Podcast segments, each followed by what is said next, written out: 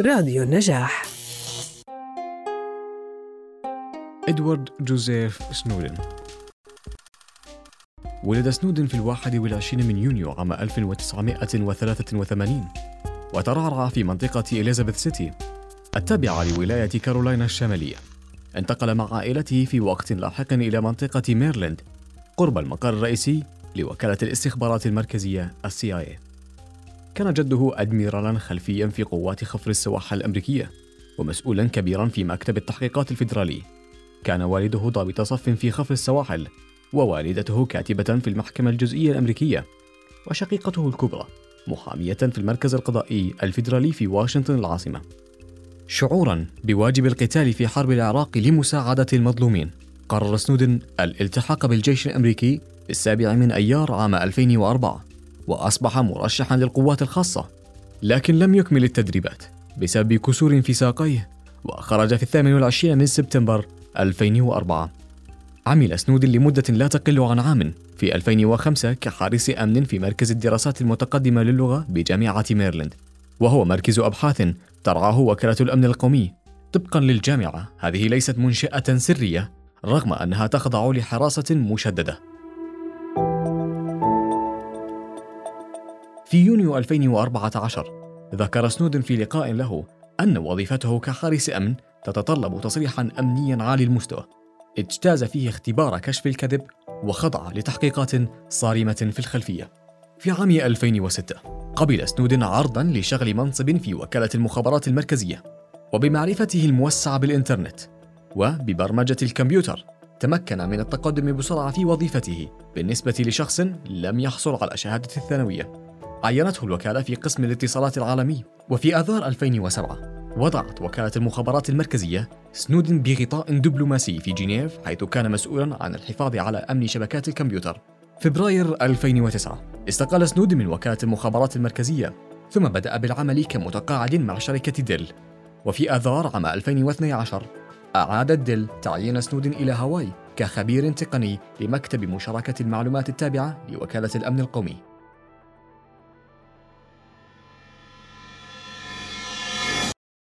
عمليات الكشف عن المراقبة العالمية. فكر سنودن لأول مرة في تسريب وثائق سرية في عام 2008 لكنه توقف والسبب اعتقد أن باراك أوباما المنتخب حديثا قد يدخل إصلاحات ولكن العكس تماما حدث. كشفت وثائق أن إدارة أوباما كانت بالفعل قد وسعت تجسس وكالة الأمن القومي بشكل أكبر.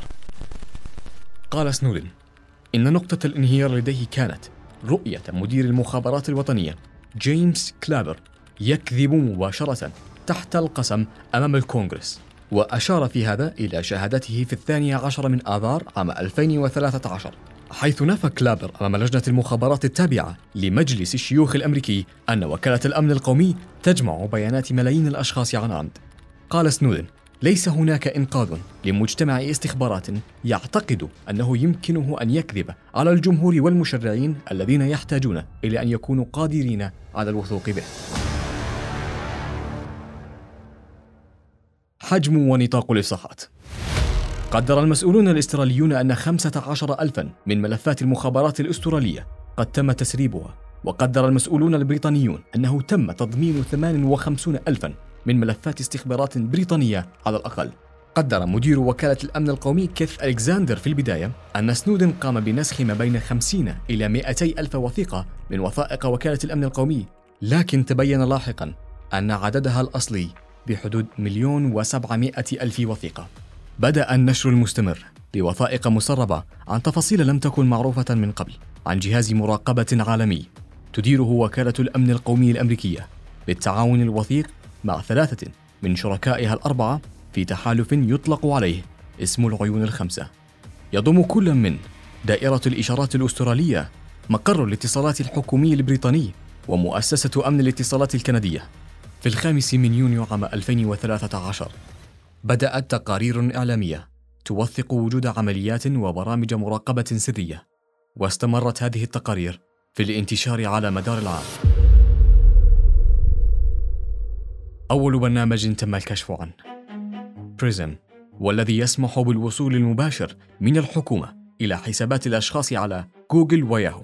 وكشفت التقارير أيضا عن تفاصيل برنامج تيمبورا وهو برنامج مراقبة بريطاني سري يديره مقر الاتصالات الحكومي البريطاني لوكالة الأمن القومي وأمر محكمة سري يطالب شركة فيرايزن للاتصالات بتسليم سجلات هواتف الملايين من الأمريكيين لوكالة الأمن القومي يومياً. ومراقبة سجلات الهاتف والإنترنت للمواطنين الفرنسيين وبالأخص الأفراد البارزين في عالم الأعمال والسياسة.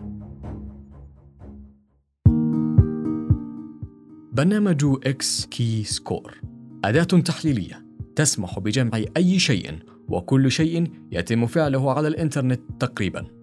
كشفت الميزانية السوداء السرية للغاية لوكالة الأمن القومي حيث أنها كانت تدفع لشركات التكنولوجيا الخاصة مقابل الوصول السري إلى شبكات اتصالاتها. تم تخصيص الوكالات بمبلغ 52 مليار دولار وهذا فقط في سنة 2013 لم ينتهي الأمر بعد. تجسست وكالة الأمن القومي وال CIA ومقر الاتصالات الحكومي البريطاني على مستخدمي Second Life و Xbox Live ولعبة World of Warcraft وحاولوا تجنيد مخبرين في داخل المواقع وفقا للوثائق التي تم الكشف عنها في ديسمبر 2013 أظهر عملاء وكالة الأمن القومي أيضا تجسسهم على اهتماماتهم العاطفية وهي ممارسة أطلق عليها موظفو وكالة الأمن القومي باسم LOVEINT. تثبت أن وكالة الأمن القومي تتعقب النشاط الجنسي عبر الإنترنت لأشخاص وصفتهم بالمتطرفين من أجل تشويه سمعتهم. استهدفت أيضا أحد أكبر شركات النفط في العالم شركة النفط البرازيلية بيتروبراز. كما تبين أن وكالة الأمن القومي ومقر الاتصالات الحكومي البريطاني تراقبان جمعيات خيرية. بما في ذلك اليونيسف ومنظمة أطباء العالم بالإضافة إلى حلفاء مثل المفوض الأوروبي خواكين ألمونيا ورئيس الوزراء الإسرائيلي نتنياهو. بحلول أكتوبر 2013 تسببت إفصاحات سنودن في توترات بعد أن كشفوا أن الولايات المتحدة قد تجسست على البرازيل وفرنسا والمكسيك وبريطانيا والصين وألمانيا وإسبانيا بالإضافة إلى 35 من قادة العالم وأبرزهم المستشارة الألمانية أنجيلا ميركل.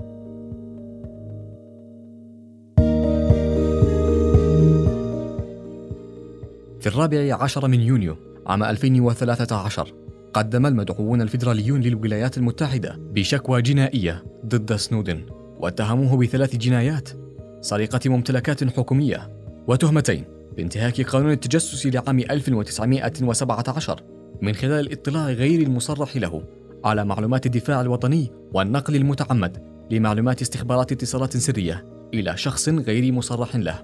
كلا من التهم الثلاثة يعاقب عليها بالسجن لمدة عشر سنوات كحد أقصى. كانت الشكوى الجنائية سرية في البداية ولكن تم الكشف عنها بعد أسبوع. التأثير العالمي. في أوائل أغسطس عام 2013 ألغت ألمانيا اتفاقيات مع بريطانيا والولايات المتحدة وفرنسا والتي كانت تمنح الدول الغربية التي كانت لها قوات في ألمانيا الغربية الحق في طلب عمليات المراقبة لحماية تلك القوات. في السابع عشر من يونيو 2013 مطالبة وزيرة الخارجية الصينية بتفسير منطقي من الولايات المتحدة عن عمليات التجسس وأن تمنح المجتمع الدولي التفسير اللازم. في الأول من يوليو عام 2013 استدعت وزارة الخارجية الألمانية سفير الولايات المتحدة لدى ألمانيا فيليب دي مورفي بسبب مزاعم بأن وكالة الأمن القومي قد تجسست على مؤسسات الاتحاد الأوروبي في الحادي والعشرين من أكتوبر 2013 استدعت فرنسا تشارلز ريفكن سفير الولايات المتحدة في فرنسا لتوضيح وشرح مراقبة وكالة الأمن القومي على المواطنين الفرنسيين.